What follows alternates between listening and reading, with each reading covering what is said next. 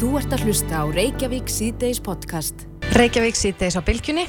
Það er nú aldeilis margt að gerast á Reykjanesinu. Uh, okkur brá heldur betur í brún í gerð þegar að já, jörðin viltist bara vera við það að klopna í söndur hérna mm -hmm. og tvær nýjar sprungur opnuðust já. með uh, tilherandi sjónarspil. Og þegar maður sér þetta svona í vennmyndavilni þá, þá viltist þetta vera svona smá spýr en þetta, þetta næri ekkert smá langt upp í loft. Já og bara að sjá þetta sko eins og bara á, hraun á. En uh, maður spáir líka í að það hlýtur að vera hættulegt að vera á þessu svæði. Já, Svona svæði hefur auðvitað verið lokað. Já, fram að þessu. Ef að þetta opnast aðna og, og spýrna byrja. En maður veldi líka fyrir sig hvað hefur maður langan tíma? Mm -hmm. ef maður stendur stutt frá staðnum þar sem maður gliðnar. E, þar maður ekki að leipa hratt til þess að forðast spýrnar en á línunni er maður sem veit miklu meirum þessi málhættur en við Þorvaldur Þorðarsson, professor í eldfjallafræðum Sæl og bless Góðan daginn Já, er þetta ekki hættu svæði þarna eins og þetta leggur sér núna með að við þessar hræringar sem er í gangi? Jú, það má nú eiginlega segja það. Þetta er svona, uh, það er náttúrulega ákveðin hætta sem tengist svona breytingum og kannski fyrst og fremst að mann vita kannski ekki fyrir hver endalógin verða á breytingum. Nei. Þetta er langt að það er vundu ná. Mm -hmm. Það er, er óvísan sem að, að gera þetta þá kannski að hættu svæði eh, en svona það er hættur þarna líka sko, sem að hafa ekkert best það er búin að vera allan tíman sko, svo gasmenguninn og, og einn stað að, að eh, þau myndist á þau, þau geta flætt fram með tölverðin hraða og þá óvænt. Mm -hmm. en, og eh, já, já Þorvaldur var hægt að búast við því að þetta myndi gerast þarna á sveðinu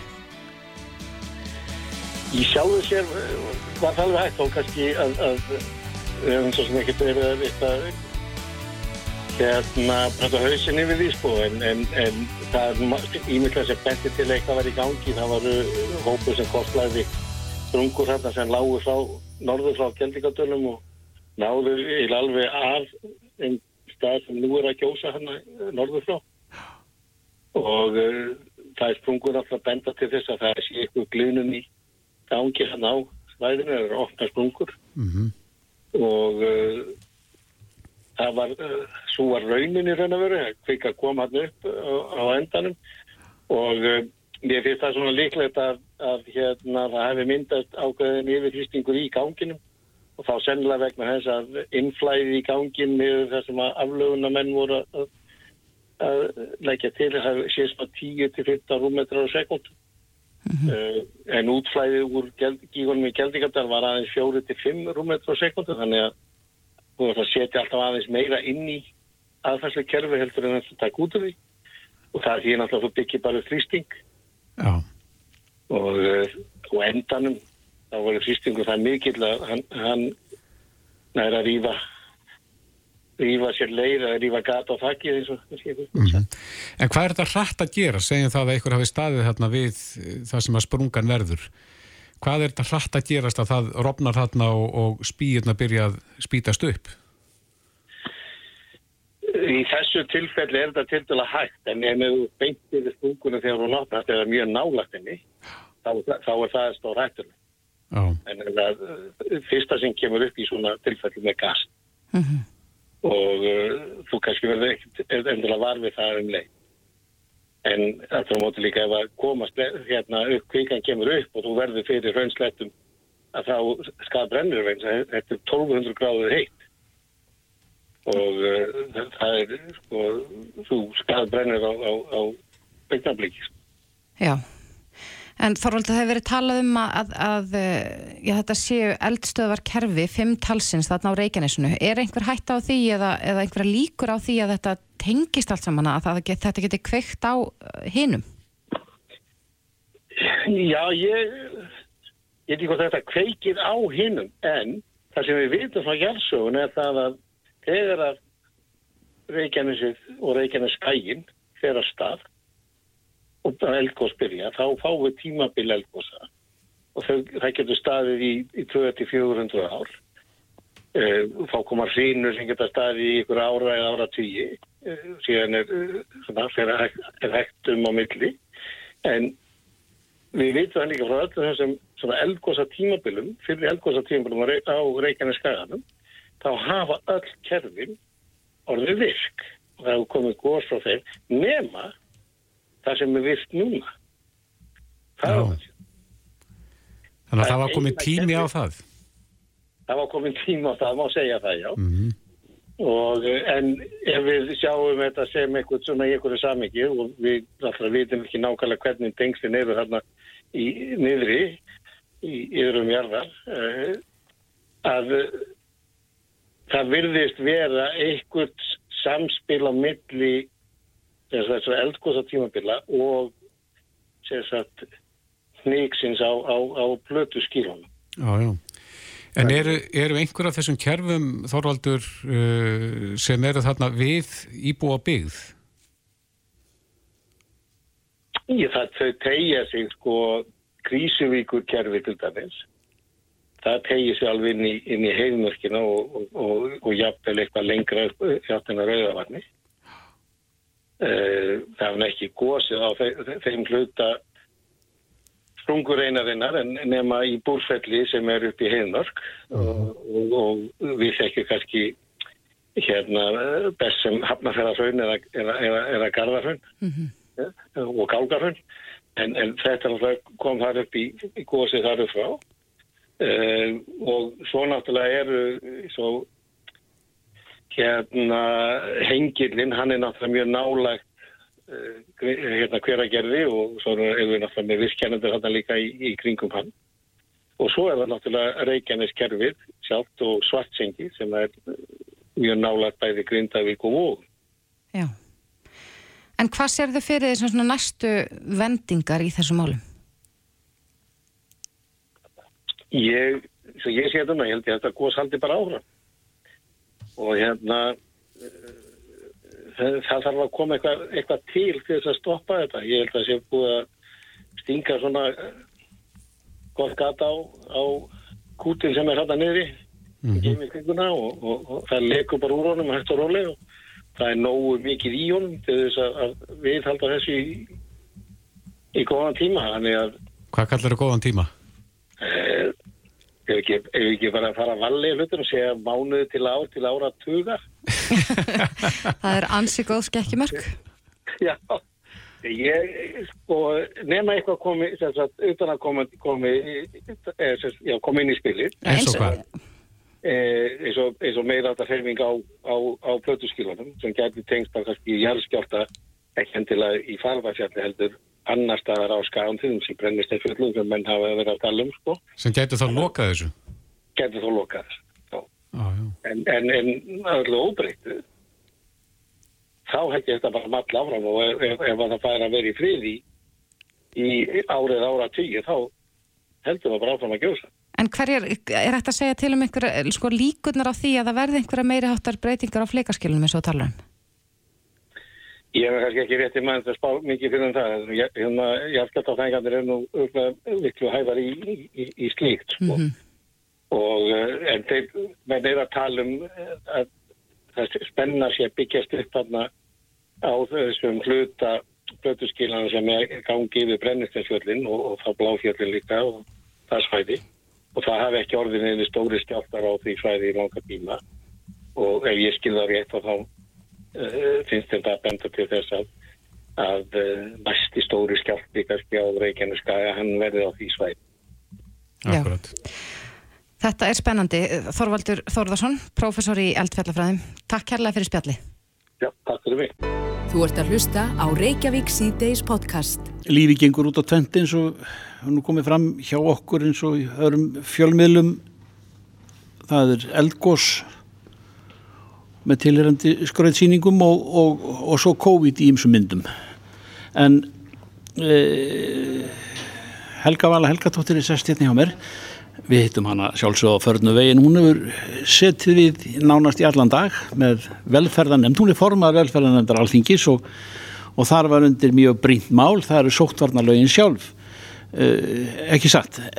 Uh, og breytingar á henni Jú, uh, það er alveg rétt. Við fengum úrskurð hérastóms í gær um að reglugerar á þeirra er varða það að skilda fólk til dvalar í sótvarnarhúsi hún heldur ekki þar að segja hefur ekki stóð í lögum og, og þegar um er að ræða svona íþingjandi aðgerðir stjórnvalda þá verða að vera fyrir því skýr laga ákveði mm. og ég bendi nú á þetta alveg bara frá, frá fyrsta degi en uh, stjórnvald töldur sig hafa lögin með sér en, en, en nú hefur hann að koma í ljós Er þetta ekki áfællistómur þegar svona áriðandi lög eru sett af ísu í, í skynding og engin veit fyrir allt í einu þegar sóktarnir eru annars vegar e, enga síður spyrja menn er ekki vantar ekki þarna aðeins upp á fámennsku fyrir ekki það? Eh, nei það var ekki viljið til þess að setja þessa skildu í lögin á sín tíma e, Ríkistjónaflokkarnir eru ekki samstíga þegar kemur að nöðsynlegum aðgerðum og, og að mínu mati og ég talaði um það strax þá að það var, það var ekki viljið til að setja inn í laugin ákveðum útgöngubann uh, skildu bólusetningu eða skildu dvöl í sótvarnarhúsi og, og það var alveg skýrt að það var ekki meira hluti fyrir því. Mm. uh, stjórnarflokkarnir eru það eru skipta skoðanir þar innan hús og þau eru með meira hluta hér á þingi þannig að þetta er í þeirra bóði mm.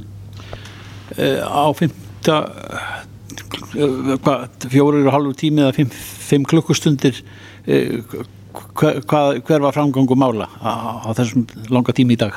Já, nú vorum við kannski að spyrja uh, í fyrsta læri á þeirra uh, hvað hún hyggist gera uh, við spurðum sótvarnarlækni hvort hann telli nöðsilegt að breyðast við og, og svo spurðum við svona ymsalögsbygginga út í þetta sem við höfum núna orði vitni að og, og hérna og, og það var bara, þetta var bísna fróðlegt uh, en, en við erum núna aðeins að býða kannski eftir uh, mögulegu útspili frá helbyrjusráð þeirra og af því að það er í rauninni fernt í stöðunni uh, í fyrsta lega getum við ákveð að gera ekki neitt og hafa bara landamærnópin eins og, og stjórnvöld hafa ákveð að gera þau banna engin ferðarlög til Íslands.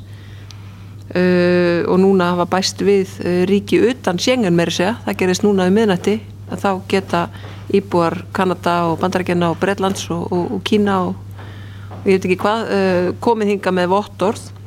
Við getum ákveð að gera ekki neitt. Við getum farið þá leið að, að ráð þeirra sendi hingað inn með hraði frumvarp til breyting á þessum sótvarnarlögum sem að heimila þá skildu dvöl í sótvarnarhúsi Uh, nefndin öll getur staðið saman að slíku frumvarpi en þá þarf öll nefndin þurfa allir nefndar menn að vera sammála um að fara í slíkt frumvarp. Eða þá að hluti nefndar getur gert það og þá er það afgreitt bara sem hefðbundi þingmanna frumvarp þannig að ég sægi nú ekki að slíkt frumvarp fengi neitt svona skjótan framgang hér innan hús mm. Er þetta pattstaða eða eða einn af þessum kostum uh, verður látið döga eða bara ekki, ekki, ekki neitt gert? Já sko, uh, ég held að boltin sé alfarið í höndum uh, heilbyrðisráðara og ríkistjónarinnar. Mm. Það eru þau sem að geta uh, losa þessa stöðu vilji er fyrir hendi til þess að bregðast á einhvern nátt við. Mm. Það er uh, þau hafa meira hlutan, þetta er þeirra ríkistjórn Uh, og svo er það spurningin uh, hvort að, að, að hérna, meirluti sé á þingi mm. til þess að, að greiða leið slíkra mála. Helga Vala, þetta er nú orðið langt og stramt tímabil, það eru reynd á þorrif þjóðarinnar. Heldur betur í þessum mála þessu stóra máli. Eh, ég held að það sé ekki orðum aukið um að segja að allir vilja þennan veiru fjanda út í hafsöga eða, eða burtu. En við komum á, út í miðri á okkur ekki saman um, um uh, ágrænisatriði sem að varða framhaldið. Já, uh, það er kannski alveg rétt. Uh, ég, ég held að, að meirlutin vilji skýra reglur og mér hefur fundist það svona uh, undarfarnar daga og vikur sem að, að, að óþól fólks fyrir svona alls konar eh, íþingjandi aðgerðum innanlands sé mun minna og fólk vilji frekar strákar reglur á landamærin. Og fyrir því höfum við í samfélkingunni talað. Af því að ég held að við ætlum að horfa á meðalhof og, og, og að fórna ekki meiri hagsmunum fyrir minni að þá ættu við að hafa strángari reglur á landamærum. Að fara þá leið mögulega sem að nágrannarlöndin okkar eru að, að fara að banna tilhæfulegs ferðalög þar að segja þegar fólk er bara skjótast í frí og svona. Uh, eins og mörg ríki gera. Uh, en, en, en því miður þá þá virðist ríkistjórnin ekki geta verið samstíga þarna. Eins og ég segi þá virðist heilbyrðisráð þeirra vilja fara í eina átt og hún vilja, virðist vilja fara þessar leið að hafa frekar strángari reglur. Uh, á sama tíma og, og dómsmálaráð þeirra sittur reglunger sem að hleypir fleirum inn og opnar landið enn frekar fyrir ferðamenn og, og, og ferðamálaráð þeirra var að formaði sjálfstæðsflokksins hún tala líka um að þessar sótvarnar aðgerið séu allt og strángar og það er að fara munvægar í sakinnar þannig að þetta er staðan á ríkistjónarheimilinu ég held að, að það sé óhefilegt og ég held að það valdi þessu óþóli sem er að myndast núna í samfélaginu. Þegar reglurna verða óskýrar þegar við skiljum ekki alveg af hverju þær eru á einn nátt en ekki annan en svo líka kannski þetta sem að hefur gerst svolítið mikið núna og ofinberast mikið núna þegar að reglurnar eru settar að þá uh, virðast þeir sem eiga framkvæma þessar reglur og framfylgja þeim einhvern veginn, passa að, að þeim sé fyllt að það fólk virðist vera uh, sífælt verð upplýst um hvert þeirra hlutverk er. Og þá tekið sem dæmi sótvarnar húsið þar vissi starfsfólk ekki hvort að þeir sem þar dvöldum máttu fara út eða ekki. Út, út fyrir húsins styrir hann á sér súrefni. Og ef maður skoðar minnisblad frá sótvarnar lækni uh, að þá er ekkert talað um það þar að fólk með ekki fara út fyrir húsins styr bara eins og þegar við erum í heimasótkví að þá megum við fara í göngutúra bara til að ná okkur súrefni og svo fer maður bara inn aftur. Maður má bara ekki hitta neitt en, en, en það verðist aðra, aðra reglum hafa gilt þarna en það veit enginn af hverju. Þetta bara kom allt inn í, í, í reglugjara á þeirra og það er þegar það verður svoleiðis að þá verður svona pyrringurinn meiri í samfélaginu. Og þess svona finnst mér að í fyrsta lagi þá verða stjórnvöld að vanda sig meira við þessar ákvarðanatökur. Reyna eins og þau geta að vera meira samstíga af því að þetta veldur alltaf okkar samstöðu. Okkar allra sem búum hérna og ef það er svona mikil ósamstaða bara millir þessara nokkura ráð þeirra í ríkistjókninni hvernig geta þau ætlast til þess að við sínum samstöðu þegar þau byrtast svona? Mm. vilja algjörlega fara sko út og söður mm. en kannski líka þetta að, að passa að, að, að þau sem eiga framfylgja. Ég menna núna landamarverðir sem eiga að skoða alls konar vottorð til dæmis. Hvaðan er þessi vottorð að koma? Eru þau vottuð á einhvern hátt af þar til bærum stjórnvöldum nú var allþjóða heilbriðis uh, málaráðandi, nei, hérna allþjóða heilbriðis Málastofnunin Málastofnunin, nákvæmlega heilbriðismálastofnunin uh, var að segja sko að, að þau mæla ekki með nótkunn að það er þessara votturða þau segja bara, sá sem er bólusettur getur alveg bórið smitið. Þannig að það, það, það verður svona þetta, þegar þetta verður óskýrt þá, þá hérna á flækjasmálinn Bísna flókið e, bara östuð, Helga Vala, Helga Tótti farmaður velferðarhundar hvert er framaldið í vikunni? Við þetta fólk spyr sig. Hvert er framaldið í, í þessum málum? Akkurat núna þegar við erum að tala saman Þorgeir, þá er ég í raunin að býða eftir að heyra eitthvað frá ráðunetinu uh, ég vil gerðan brett upp ermar en það veldur á því að, að meiruluti sé fyrir því. Uh, ég er stjórnaranstöð ég mun ekki líka á mínu liði að, að, að verja landið Helga, takk, takk.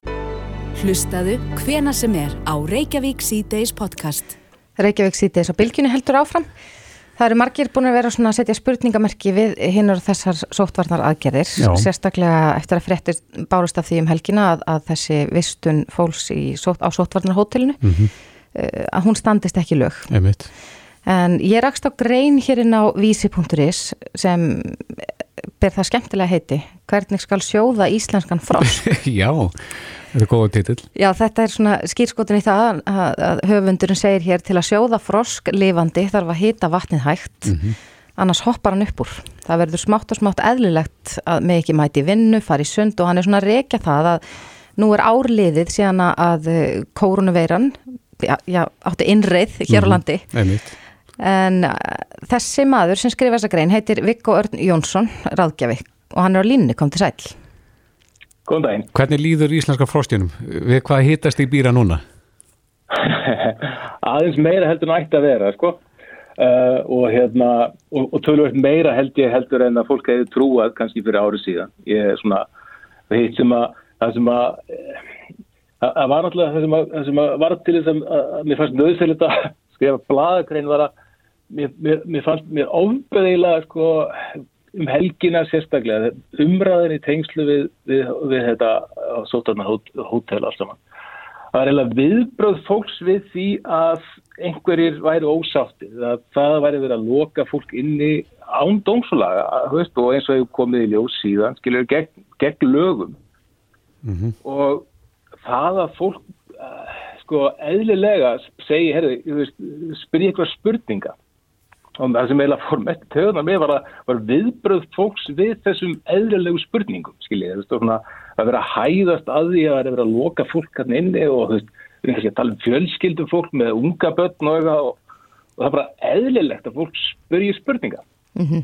En þú tekur líka sem dæmi hér að sko fyrir árið síðan þá þóttu okkur, þá sló allir að því að, að já, Inga Sæland stakk upp að einhverjum tímpunkt að við myndum geima þá sem hinga kæmu í eigilsvöll, lokaði inni þar en, en að nú erum við öll einhvern veginn sammála því að það skuli loka fólk inni þar til að hefur klárað sótkina. Já, ég, ég veltiði fyrir mér ef að þrjegi myndi stinga upp á því að fólk eru lokað inn í bíilsöld. Ég, hvort að viðbröð fólks eru þau sömu og fyrir árið síðan það ynga særat stakka upp á því, sko. Þrátt fyrir að við séum miklu örugari núna heldur en voru fyrir árið síðan. Fyrir árið síðan réðu spítalarnir illa við sjúkdómi. Núna, sko, veist, eitt af því sem valdið lækandi dánatíðin er að það eitthvað ekki aktuelt kemur upp, þá svona menn vita eins betur við hvað það eru að fást mm -hmm. og hérna þannig að, já, þannig að mér fannst, mér fannst þetta svona frekarskvítið og mér, mér finnst náttúrulega í, í grunninn að, tvent sem var til sem að, svona greinin var til þess að hvetja var svona að byggja um tvent í fyrsta lagi, jú að það sé eðlilegt að því að þú veist að eru náttúrulega tvö sjónamið hér sem takast á. Og, og, og, og bæði sjónamið eiga rétt á sér. Auðvitað er ég ekki að segja að sótvarnir séu óeðlilegt það er alltaf því það fjarir Uh, en það er líka eðlilegt að sko ræða það hvað sé rétta leiðin. Og, það sem mér hefur fundist svona smám saman gera síðast undarfærið ár er að verður alltaf erfiðar og erfiðar að tala um þessa hluti sko. Og allir þeir sem spurja eitthvað spurningar eru stimplaðir sem, sem eitthvað eins og menn hafa eitthvað annarlega fórsendu sko. Og hérna það er annars vegar það og hitt er það sem mér finnst eiginlega verra sem er að en aflegginga þessu er að, er að sko, núna er árlið og það sem er eðlilegt er að sótandar yfirvöld hafi það skýrst hvað markmiðið sé, hvenar nákvæmlega, eða öllu heldur, ekki hvenar heldur, við hvaða aðstæður á að hætta. Hvað er markmiðið með bólusetningum og sótturkum? Hafa þessi markmið breyst á þessu árið? Já, ég, ég, sko, markmiðin hafa allan tíman verið frekar loðin. Fyrst voru þau snýrustu um, um eitthvað kurvu sem átt að fletja út og, og ofger ekki, sko, heilbriðiskerfunu og allir voru til í að leggjast áratum. Það, síðan svona, eftir því sem árið hefur lið verður alltaf óljósar og óljósar nákvæmlega hvað að hverju er stemt, sko. Um, og Veist, og í staðin fyrir að eiga þessa umræði sem ég finnst vera svona grundallar atrið í því e, þá hefur umræðan meira verið eitthvað svona argaþras út af einhverjum smáatriðum hvort að þessi og hins sé í veist, hvort þessi þrý dagar eða fimm dagar í einhverju veist, eh, eitt próf eða tvö próf eða þrjú próf eða hvaða nú allt er sko, sem að svona útværslu atrið og, og þeir eru einmitt svona hluti sem að svona, já, tristi kannski sótt að það er fyrir Mm -hmm. en, en að það sé eðleg umræða um það aðhverju sé stemt. Ég við erum búin að rétt, láta gríðalega mikil völd í hendurnar á það sem eru ókjörnir embætismenn sem, það, sem eru sko bæðið að leggja til aðgerðis og að raukstiða með eitthvað svona daglegum höðslufundum sko, sem er mm -hmm. sérstakt. Það er ástæða fyrir að við aðskiljum lögjavald og framkvæmdavald við viljum ekki að lauruglan sé að sittja sjálf þessi reglu sko, på deildags. Akkurat, en, en svo er það já, allþykismenn og ríkistjórn okkar sem að staðfesta þessa reglu sem að lagðar eru til. Einmitt. Og setja þær. En, en þú, eitt sem að vakti aðtökli mín er að þetta með að sko við þú segir hér stór hluti samfélagsins hefur látið þetta yfir sig ganga gegn betri vitund. Fólk hefur sætt sig við að láta undan hræðslu annara eh, vegna þess að þetta átti alltaf að vera tímabundið. Heldur þú að sá hópur sem að er svona mótfallin þessum sóttvarnaraðgjörum að hann fari stækkandi? Ég veit það ekki og ég veit ekki hvað er að vera mótfallin sóttvarnaraðgjörum, skiljið, þú veist, að því að veist, þetta eru alltaf mjög miklar aðgerðir og sumir er að móti einhverju og aðeir er að móti einhverju öðru, skiljið, þannig að veist, ég held að sé bara, ég, ég held að væri svona, ég, þessi stækkandi hópu fólk sem er, er frustreraður og, og veist, þetta, þetta er náttúrulega gríðað stórt og flóki mál, skiljið, því að eitt eru sóttvarnar aðgerðinar annað er allir þeir hluti sem við fórnum að móti og það er miklu meira heldur en bara einstaklingsfjöls. Síðan dag var einhver grein um það að nýgengi krabbaminsmælinga hefur, hefur minga vegna það eru færið sem hafa farið á spítala til þess að, þú veist, og, og, og þú veist, þannig að, þannig að það er svona, uh, hvað skal ég segja, ég efast um einhversi á móti sótvarnar aðgerðum Mm -hmm. það er alltaf bara kjánalegt sko. en, en, en það að eiga umræður um hvernig þær eru mætti vera miklu opnara og eðlega e, koma kom þess að því, þú gaggrinni líka fjölmiðla og segir að þeir séu gagslausir þegar það kemur umfjöldin um þessi mál. Fyrir gefiði Við tökum því ekki nær okkur en, en uh, segðu okkur hvað að meina með þessu. Það sem ég meina með þessu er að sko Veist, ef maður ætlaði virkilega að ræða fólk að óþörfu þá myndi ég halda daglegan fund þar sem væri verið að tala um sko, smitt og nýgengi og, og gríðarlega hættu í samfélagi og mér finnst eins og það byrtist mér að fjölmeilar hafa verið allt of linir að spyrja erfira spurninga mm -hmm. og, og eins og ég segi það er bókstala gert grínaði í áramöndarsköðunum sko, að veist, hversu, hversu fyndið það er að vera að spyrja spurninga. Akkurat. Og hérna, þannig að það er það sem ég meina, sko. Ég, veist, þetta eru, við erum við aðstæðum sem að eru floknar og, og, veist, og erfiðar að fást við. Ég held ekki að gera lítið, þú veist, í einu sekundu að sótandar eiginvöld hafa erfið verkefni, sko. En þess þá heldur að, sko, að, að, að láta þau ekki sitja einu boltan og fyrir að taka þú veist, taka ákvarðanir og rauksteðaðir og, og hérna, Já og vera síðan einhvern veginn í þessari undalegu stöðu sko þar sem að einhver læknir er að tala um sko hversu óhefnilega það er fyrir Íslingu þjóðin að domstóra hafa komast að einhverju neðstöðu. En svona ef við draugum þetta saman að þá líður frostjunni bara ágætlega svona við söðumark. Já, ég, svo verður að taka það fram að það er ekki hægt að sjóða froska hægt því að þetta er þess að tjóðsæða. Sko. Já, akkurat. Já, en Viggo, þú kallar þó eftir því að, eh, að þessi veri svarað. Hvað nákvæmlega er markmiðið núna þó að það sé eh, ár, þegar árið liðið? Það væri, það væri gott og, og líka aðalega því að kannski fólk bara síni hvort það eru meiri skilning og þólumæði og eitthvað svona. Já, akkurat. Viggo Örn Jónsson, ráðgjafi, það má lesa greinina þína nánar inn á vísi.is. Kæra þætti fyrir spjallið. Takk sem leiðis. Reykjavík síðdeis á bylginni. Það er mikið rætt um sóttkví þessa dagana og hefur enda verið bara síðastlið ár. Já, svo sannlega. Við vorum einhvern veginn öll komið með þetta reynd, hvernig ætti að haga sér í sóttkví og ég manna fyrir árið síðan þá mikið talað um sko að, að til dæmis að það væri lægi að fara í göngutúra hann slíkt. Já. En nú virðist vera einhver svona rugglikur í gangi. Við heyrðum að því að, að þeir sem að dvöldu á sóttvarnar hótelinu mm -hmm. uh, hefðu sömur hverjir þegar ætla að fara þaðan, beðið ættingi á vinum og koma að sækja sig. Einmitt og það eitt er, er brot á sótkví þú ætti mm -hmm. ekki umgangast aðra. Að... En til þess að fá þetta hreint út á hvað sótkvíðin gengur og hvað má og hvað má ekki þá höfum við fengið til þessu okkur. Rákvald Ólarsson eh, aðstóður yfirlörglu þjón hjá Almannavatnadeild, kom til sæl. Já, selvöði Já, það er kannski ekki vanþörf á að fara eins yfir út á hvað sótkvíð gengur.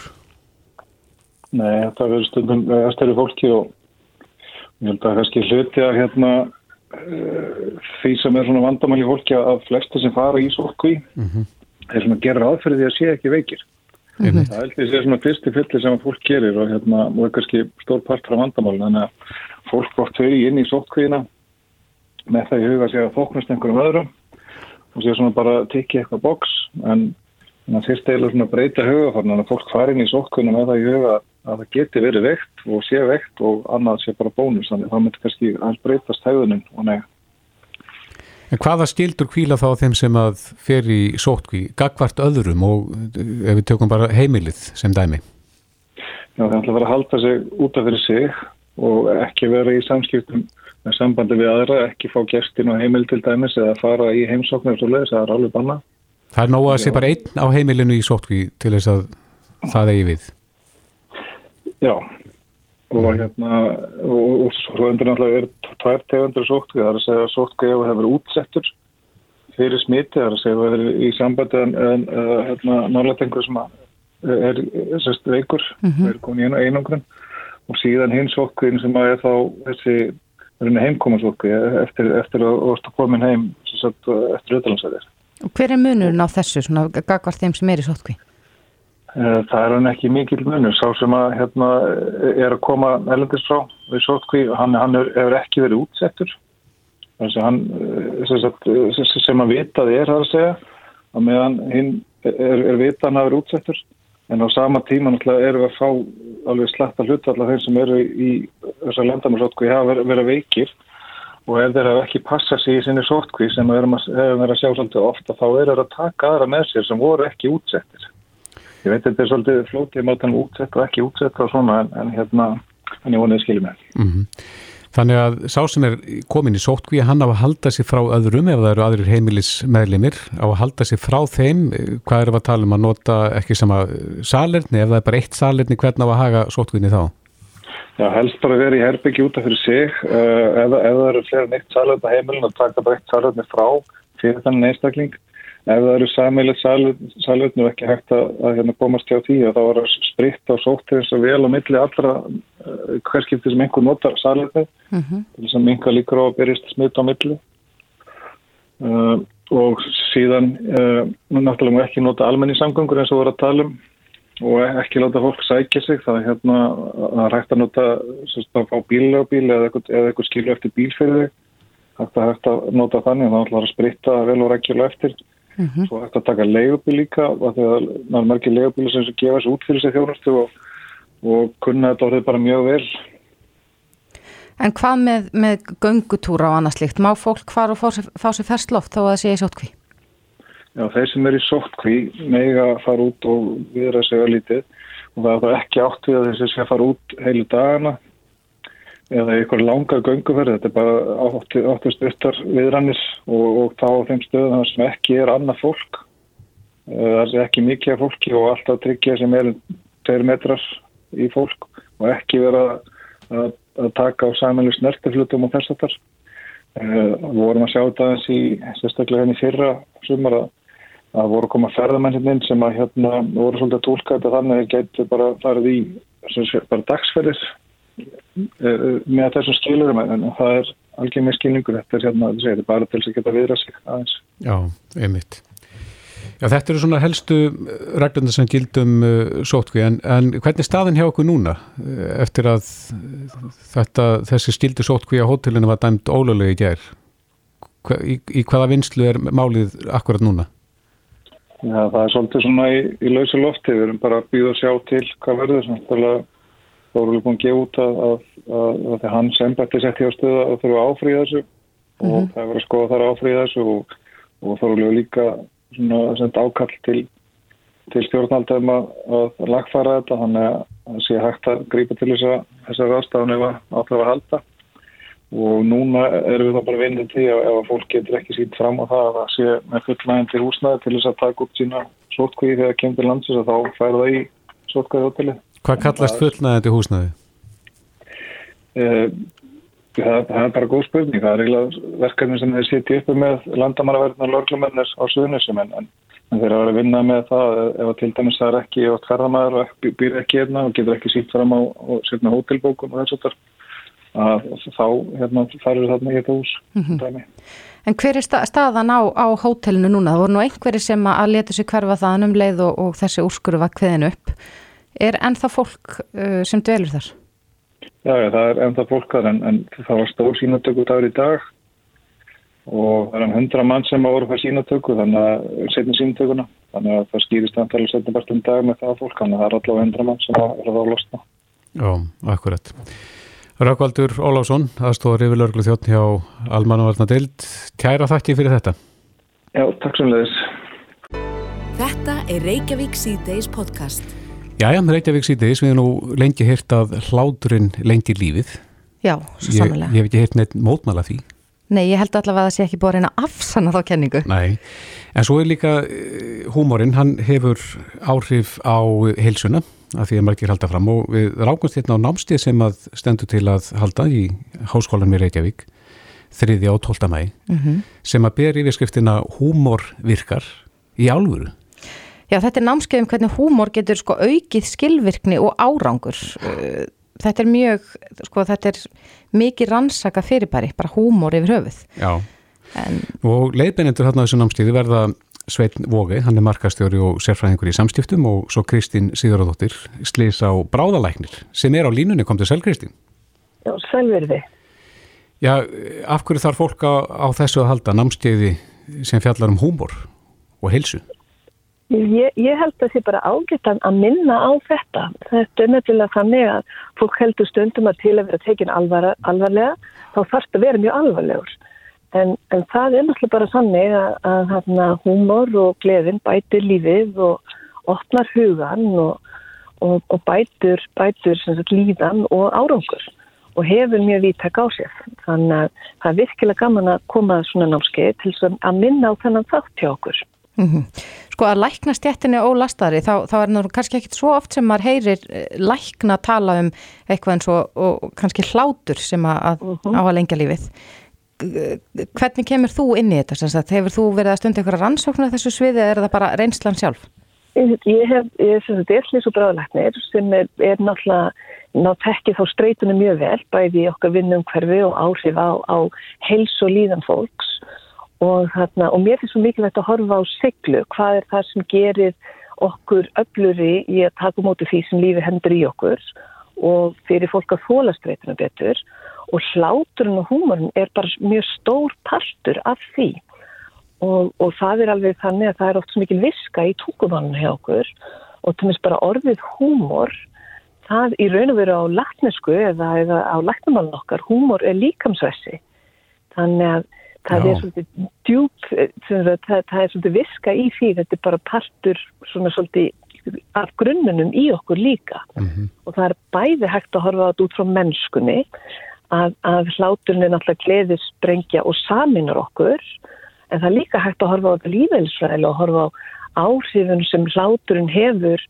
Sem sagt hann, hann örvar blóðrásina, hann losar um spennu, hann bætir streytuþólið og, og fólki náttúrulega bara líður betur og þannig að það er hægt að horfa á þetta á, á marganhátt. Já, þannig að þetta er ekki bara andlegt, þetta er líka líkamlegt. Já, það er hvorið tvekja. Enda til ég og að, svona, að andlega og líkamlega séu bein tengt. Við erum að horfa að svona, það, og læknisfræðin, hún hefur nú lengi gert það, ég menna Hippokratis gerði það og, og þarna, og austræn fræði hafa aldrei mista, en, en vestræn læknisfræðin er, er alveg að, að, að, að ná aftur betri sjónum að því að þetta, þarf að horfa á hlutina heildrænt. Akkurat. En um, nú er fólk svona misfindið, ég held að það sé svona almennt, almennt hjá fólki, það er ekkert allir fættir með geggjaðan húmor. Ég hef oft gert grína fólki í kringum mig sem eru svona kannski húmorslausari en aðrir. En hvað með þá? Geta þau komið á námskeið, menn þau læra að að hafa húmor? Sko, þetta verður skoðað frá ymsum þáttum og Sveit fyrir svolítið líka þá í þetta með, með hérna, hvernig er hægt að byggja það upp og, og það er nú þannig að ég held að við, það er búin og húmor í okkur öllum og það er bara mismundið frá hvað sjónarhólu við séum að horfa og, og hérna hvernig við sjáum svona, hvernig við upplifum tilveruna. Mm. Ég held að það bara svolítið kannski misdjúft á því. En hverju rættu að skrá sig á svona námstíð? Er, er þetta fyrir ykkur að sérstaka? Sko þetta er nú, það, er nú verið að horfa á þetta bæði, þau eru náttúrulega að taka þennan snúning, hvernig þetta nýtist í, í sko starfi, en í raun og veru þetta nýtist fólki náttúrulega í líf og starfi. Ég kem þarna inn sem fulltrúi mannsins í þessu og hvað fyrirtæki varðar að þau náttúrulega byggjast á mann auðnum, því betur sem starfsfólkinu líður, því, því betur ganga málinn og þetta vita fyrirtækin, það er eins og Google, þau hafa verið með Mr. Jolly sem er minnur að sé verkfræðingur úr MIT og, og þessi fyrirtæki hann kom inn með, með bæði að minna á augnablikið og, og hérna hvað það væri mikilvægt mm -hmm. að hérna þetta er eitthvað sem fyrirtækinu er líka til enga sér en ég er, að, ég er þó þau síðan að haldi fókusnum þar þá kemur svolítið inn fulltrúi mannsinn sem að er sá sem er að taka þátt í lífi eða starfi Já. og hafa, hafa gaman að því mm -hmm. En þú, svona, telur þið hafa orðið vikna því að þetta virki svona þegar það kemur að, að líkamleiri heilsu og þá, þá stiftir húmórn alveg gríðarlega miklu máli. Já, já, húmór og hláturinn að, að fyrir utan þetta lífelsræðibreyti sem við erum að tala um, að þá er þetta líka stundum leið til að koma skilabóðum og, og svona auka, auka skilningin. Að stundum þegar hlutir eru matriðir að þarna og, og gerðar, gerður þannig að það er alltaf annars vegar skemmtilegri. Fólk það er auðvitað að læra þá. Það bætir hana svona, það opnar hugan og gerir hlutinu minnistæðri þannig, þannig hjálpur það í námi til dæmis. Mm -hmm. og, og hérna, en þetta er eitt af því sem hjálpar okkur að, að, hérna, að sjá stundum spöila hlutinu á tilverunni líka. Já Og það er þetta skrá sig inn á heimasíðu háskólans í Reykjavík, í Opna háskólanum Húmor, húmor virkar í álfuru heitin ástíðið. Mm -hmm, það er bara þannig. Já, Kristín Sigurdóttir, Slisa og Bráðaleknir. Kæra þakki fyrir þetta. Jó, takk fyrir. Mín var á með. Reykjavík síðdeis á Bilginni podcast. Það hefur gengið mikið á í COVID-málunum sem er okkar daglega bröð þessa dagana í, í, fjölmjölunum að, að minnsta kosti og uh, það eru líktir ákveðina mála sem að skipta okkur mörg miklu máli. Jón Magnússon lagmaður eh, ragmál fyrir feðgin eða mægin maður fyrir geðu sem að var gert að sæta sótt kví uh, en ekki en ekki annar staðar hvort það var heima hjá þeim eða, eða hvað. Ekki þau verður að vera þarna á ákveðnum skilirðum en út af, út af það gekk málflutningurinn en Jón þú hafðir þú hafðir betur og, og komst vel frá þessu þar að segja að þetta er vantar eitthvað upp á lögjöðina nýju sótvarna lögin Já, já, það, það er það sem það var og, og, og það eiginlega liggur í augum uppi að, að þannig er það og það er nú aldrei, aldrei gott þegar að ríkisvaldið afgreðir hluti í snarhasti eins og helbriðisráð þegar að gerði með þessum hætti með, með breyting og reglu gerði í 2003. massiðasliðin og þess var ekki gætt að það væri næjanlega lagastóð fyrir því sem verið var að gera mm. og vegna þessara hluta þá voru 200 manns vistaðir sérstaklega uh, já, það var gett spurt sem að þeir voru raun frelsusviftir í ákveðin tíma og með að við niðurstöðu dómsins þá var þetta allt saman ólöglegt mm. og þetta er alvarlegu hlutur það er búið að hérna, taka hótel og leigu það er búið að hérna, ráða fjölda starfsmanna mm. það er búið að nauðungavista 200 manns mm. og það bara kemur í ljós að þetta bara er ekki, þetta stennst ekki mm. e, Þú hefur fengið ónótt í eiru þar að segja. E, sko staðarsóttvarna hún er, hún er svona generallt góð þar að segja. E, þrýegið hefur megnað að, að koma þessu ákveðu horf og allt það og og, og, og það hefur náðust árangur ef við berum okkur saman við, við þjóðir Evrópu til dæmis og, lengi voru við heið græn og allt það og því að það er tölvöld meðbyr með þessu en, en, en þú náttúrulega tekur þetta að þér sem lagmaður þú ert ekki, þér er ekki gert að fara í sótkví Nei sko og ég meina í sjálfu sér er, er ekki verið að deila um einhver, einhverja hluti hvað það varðar. Mm. Heldur verða spurning, er spurningin um hérna, persónuvernd og persónu einstaklingsréttindi hvað þetta varðar og það að, að það sé ekki farið offari og brotin mannréttindi á einstaklingum og, og nú skulum við taka bara dæmi, ég meina sko það, það er engin að í sjálfu sér að að, að gaggrína svona almennar reglur varðandi sóttvarnir og ég vil nú taka það fram að það er alveg ljóst að það sem hefur skipt megin mál í þessu sambandi það var það að mjög fljótlega voru settar ákvæmna reglur um það og, og fólk var beðum að gæta sín. Og íslenska þjóðin gerði það mjög vel og rækilega og þannig er það með almenningi landinu, hann hefur tekið verulega mikið tillit til þess og staðið sig og það er fyrst og fremst grundvöldur þess hvað góður árangur hefur náðst hér. Nú síðan hefur þetta fólk svona verið með ágæti sleiðbenningar, þar að segja Þórólfur, Þórólfur og Alma og víðir að, að því leiti sem hans sérsveina er til. En sko það, það, er, það er eitt sem við verðum að hafa í huga. Fólk nær ákveðnum árágri og hann er góður. Fólk fær ákveðin völd og það gerist með alla sem fá ákveðin völd að þeim hættir til að nota og jáfnvel omnota það vald sem þeir hafa. Og ef við tökum til dæmis stöðuna í dag þá er hún þannig að það er enginn sem liggur inn á spítala. Það er enginn sem hefur dáið úr þessum sjútómi meirinn hálft ár. Samt sem áður eru núna í, við líði, til dæmis á landamærunum, hörðustu reglur sem nokkur sinna hafa verið. Til að byrja með það var með að við það að fólk færi í skimun og færi hérna og síðan var tekin ákvörðunum það að fólk færi heimasótt kví og allt í, allt í góðu lagi með það. Síðan er bætt við þannig regla að fólk verða að koma með PCR skýrtinum það sé ekki síkt af COVID, þar að segja sem er tekin að minnstakosti minnum í 75 klukkstundum áður en það fyrir um borði í flugviluna sem flytur það til Íslands.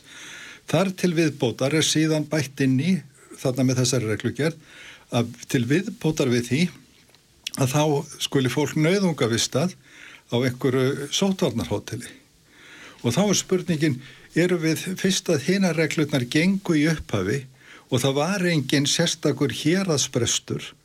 Byrju af hverju mátti þá ekki svo við búið standa? Var einhver nöðsin á því að fá sko ennþá hertar aðgerðir? Og það eru sumir sem segja já og það er nú einu svona þannig að fólk er döður hægt við þessa veiki og, og það nú kannski eftir því sem liðið hefur á að þá hefur kannski þeir sem valdið hafið þessu reynd að ala á sko ákveðni ræðsláróðri mm. og við skulum bara skoða það að hérna að landin er lokað þannig að senst að það með ekki nema svo og svo fáir koma saman fyrir tæflega halvu mánuði þó að það liggi fyrir að eila þessi lokun var ef að liði hefur tveir-þrý dagar til við bótar þá sjá menn að það ekki þurft að, að ganga svona langt eins og gengi var en allt í lægi með það, sóttvarnar yfirvöld tóku þessa ákverðin, ríkistjórnin samþykti það og, og, og vonandi gengur það vel og allt í lægi með það en, en, en sko fólk verður alltaf að gæta varhug við því að valdið sem er og getur verið ágætt að það fari ekki að taka meiri og meiri völd. Mm. En nú stendur fyrir dýrum ekki sagt að, já, að uh, úr því sem komið er og, og maður hefur það eftir eh, þrýeginu að, að uh, fyrir ykkur breyting á sóttarnalögun sem að gerir ég væntanlega verksvið þeirra klárara Jú, býtu, hvaða breytingu vil fólk fá? Ég meina, sótvarnalögin eru mjög viðtök og það er, það er, það er hviðið á í þeim um sko, mjög mikilvægar frelsiskerðingar borgarana og hvaða kröfu er til dæmis Þórólfur að, að gera eða, eða landlæknir um, um meiri heimildir? Viljiðu kannski fá þau, þær heimildir að, að sko hérna að Þórólfur skuli bara ráða þessu og hérna þegnandi verði bara að sitja uppi með það. Hvað, hvaða, hvaða viðbótar ákvæð er þörf í sóttvarnarreglunar þetta, þetta frumvarpar afgreitt fyrir tæpum tveimur mánuðum með hérna, samþykki samtlið og samþykki allra þingflokka við maður rétt. Og, og, og, og hvað þarf meira til sko, sko ég sé ekki annað en, en það að sóttvarnarlögin séu fullnægjandi eins og þau eru. Og það, mínu viti þá eru þau mun betri eftir að þingið hafði með vandari skoðun á hérna því frumvarfi sem var lagt fram að þá hefur frumvarfi orðið ennþá betra. Mm. og ég get ekki séð að þessi úrskurður í gær að hann breyti einu eða neinu um það. Það eru fullnægandi heimildir en, sko, en heilbriðisar á þeirra og hans starfsfólk á ekki að vera með einhverju fusk í reglugjörðarsetningu Jó Magnússon, lagmaður, takk fyrir Takk að sumi leiðis Reykjavík síðdeis á Bilginni podcast. Við rákumst á grein eh, á netinu þar sem er talað um eh, Harvard, vísendamenn við Harvard háskóla sem mm -hmm. eru mjög jákvæðir eh, á bólöfni gegn sortu ægsli. Jáhá. Þegar nú mikið talað um bólöfni Já, og sortuæksli eru þetta bara, það, þetta eru fjölmörg tilfelli hér á landi á hverju einasta ári Já. sem að, að fólk greinist með sortuæksli mm. og það er alltaf verið að ymbra á því við mann sko eins og varandi sólina og annars líkt að nota sólavörn og helst allt árið og, og, og þar framöftu göttum en, en ef hægt er að bólusetja mann fyrir þessu þá er já, hættan af, yfir staðin. Já, eða hvað. Og ég rakst á viðtalum daginn við annan af uh, eigandum BioNTech sem að hafa hanna þetta bólöfni með Pfizer og hún er mitt sagði það að í framtíðinni yrði þetta notað í baráttunni gegn krabbamennum, það er þess að bólusetta gegn krabbamennum. En uh, á línunni er Gunnar Bjarni Ragnarsson, formaði félags íslenskara krabbamenns. Lækna, kontur sæl? Já, sæl, það er sæl. Þú er aðeins kíkt á þessa frétt, þessa góðu frétt af bólöfni gegn sort og eksli. Um hvað snýst málið? Jú, þetta er vissilega spennandi og forunilegt. Þetta snýst um það að það eru átta sjúklingar með sort og eksli sem var það sem búið fjarlæg af sort og eksli en það var talin mikil hægt á að kæmi tilbaka krabbamennið og það er raunin tekin uh, úr þeim síni úr krabbamenninu og fundin uh, ónæm, fundir ónæmisvakar sem eru sértæki fyrir þann sjúkling. Krabbamenn er þannig gert að það er einstakt fyrir hvern sjúkling. Þegar við erum einstök. Mm -hmm. Þannig að, að þeir reyna rauninni að klæðskera snýð þetta að hverjum sjúklingi. Og þeir taka þessi, þessi ónæmisvaka og einangraða og nota sem bóluefni til að vekja upp ónæmi svar gegn krabbamenni sem er þá sértækt gegn þeirra krabbamenni mm -hmm. og þetta er í rauninni alveg sama hátt og er gert með venjulegu bólusetninga nema hér er tekið síni úr því sem er okkur hættulegt. Akkurat, en þýðir þetta þá Gunnar að, að þetta er ekki svona eins og við þekkjum bólusetningu að heilbreyðir einstaklinga geta fengið bólusetningu til þess að koma í veg fyrir að að mögulega fá krabba með einn síðan mér? Nei, við erum ekki komin á það stig ennþá í svona krabba með. Við erum komin á það stig í krabba með sem eru, uh, sem eru valdin af veirum eins og legahálskrabba með og við erum nú þegar farin að gera það. Mm -hmm. Það sem eru bólusetti gegn HPV veirunni sem veldur legahálskrabba með. Mm -hmm. En eh, eru framfæriðnar hraðar í þessum málum? Mjög hraðar og ónæmis meðferð krabbamennar sem við höfum notað núna í þó nokkur ár bæði á Íslandi til að meðhandla krabbamenn hefur henni gjör bilt á mörgum sviðum meðferð krabbamennar og þetta er í rauninu það sama og við gerum með þeirri ónæmis meðferð sem við notum í dag. Það er, nú fá sjúklingar eh, meðferð og þeir með þeir vekur upp ónæmisvar í viðkomandi sjúklingum. Við erum öll þannig að okkar ónæmiskerfi vill reka út krabbaminnið. Það er okkur framhand eins og síkingar. En krabbaminn hafa fundið leið til að bæla ónæmiskerfi niður og það er þessi leið gera þau eru niður ræsa ónæmiskerfi að virkja til að ráðast gegn krabbaminu þannig að það er unn ónæmi svar sem er þá einstakt fyrir viðkomandi sjúkling. Í rauninu sama og er gert hérna bara þetta er önnu nálgun. Og það sem er spennandi við þetta og er að þið vekja upp ónæmisvar sem virist endast og, og þessar ónæmisfrumur, svo kallar T-frumur, það er virist fara inn í ekslið og, og, og setja þar og ráðu þannig á krabbamennin og er bara eins og góð bólusetning virðist endast uh, til uh, óvistrar frambúða þannig að það er svona von til þess að þeir, þessi sjúklingar sem að fengi þetta muni ekki fá krabbaminnið aftur vegna þess að ónæmiskerfi mun þá halda því niðri til uh, rauninni vonandi út lífið. Já. Hvernig er við Íslendingar, stöndu við okkur vel í að innleiða nýjar aðferðir hér? Við erum mjög framalið því, já já, við erum alveg í fremstu röð með það og hefum kappkost að halda okkur í fremstu röð með að taka upp ný liv og nýjar aðferði til að meðhandla krabbaminn og árangur að krabbamins meðferð á Ísland er mjög góður með að við, uh, svona, við þá sem við viljum helst bera okkur saman við. Þannig og, og það er ekki síst því að þakka, við höfum reynd að taka þetta upp svona jæmt og þétt mm -hmm. að vera mjög framali að taka upp nýlif. Mm -hmm. En þú talaður hérna á þannum leghálskrabbamein. Hvaða fleiri krabbamein eru það sem að eru að völdum veiru eins og HPV-veirunar? Já, það er til dæmis munnkókskrabbamein hjá köllum. Það segja í, í, já, í, í munnkóki. Það getur verið tengt HPV-veirun líka. Mm -hmm. Um, og, um, og svo eru sem kannski ekki stór þáttur hér á landi er livrabólgu B-veiran sem getur valdið livrakrabbameini eins og í, í Suðaustur Asíu? Og svo er náttúrulega þeir sem fá livrabólgu og það er til bólöfni líka gegn það sem ekki er livrabólgu B. En svo er að livrabólgu C-veiran sem getur valdið eh, livrakrabbamein líka. Og það er í sjálfu sér líka vandamál á Íslandi.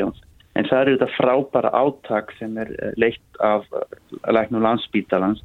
Það sem eh, er núna bóðið upp á meðferð, það sem allir getur henni fikk meðferð gegn uh, livrabólgu sé og, og vonandi mun það hindra þó nokkuð tilfelli af livrakrappamenni í framtíðinni. Mm. En aðeins af þessari tilrönd sem að þetta viðtal snýst nú einna mest um, þar að segja gegn sortu ægslinu og bólusetning gegn því, Eh, hvað, hvað er þetta lengi að verða eh, sagt, vera tekið í nótkun nú er það að segja bara þessari niðurstöðu en, en hvað er langt í að þetta verði þróa sem bóluefni? Sko við, ég, það er ómöld að segja þessi vegferð, ónæmismæðferð krabba minna hún er hún er þó nokkuð gömul og er búin að vera í sjálfu sér á tilrunnstíði nokkra árutíu og ég, ég starfaði að leiða svona rannsóknir í í eh, bandaríkjunum fyrir núna tíu árum síðan að þá voru við að nota frumur til að ráðast á uh, krabbamenni búið til krabbamenn sértekar uh, T-frumur, T1-frumur til að ráðast á krabbamennin um, það er ennþá verið að það er gert og verið að þróa það áfram en svona hagkvamari leið er eins og er gerð í dag er að gefa lif til að vekja þetta T-frumur svar í sjúklingunum sjálfum. Þannig að sjúklingunum er rauninni sá sem framleiðir þess að frumur sama háttu að vera gert með bóluöfninni mm -hmm. þannig að þetta er laung vegferð þannig að ég býst nú ekki við neinu, neitt, neinu þessu líkt svona allar næstu árum en vonandi einhvern tíma í framtíð og vonandi munum þetta leið einhvern tíma til þess að hægt verða að fyrirbyggja fleiri krabba með, með bólusetningum til dæmis eins og áhættu hópum og því sem er verið að skoða í rannsóknum. Já Við vonum að þetta gangi vel. Gunnar Bjarni Ragnarsson, formaður félags íslenskra krabbaminsleikna og krabbaminsleiknir. Kæra þakki fyrir þetta. Já, þakk ykkur. Þetta er Reykjavík C-Days podcast.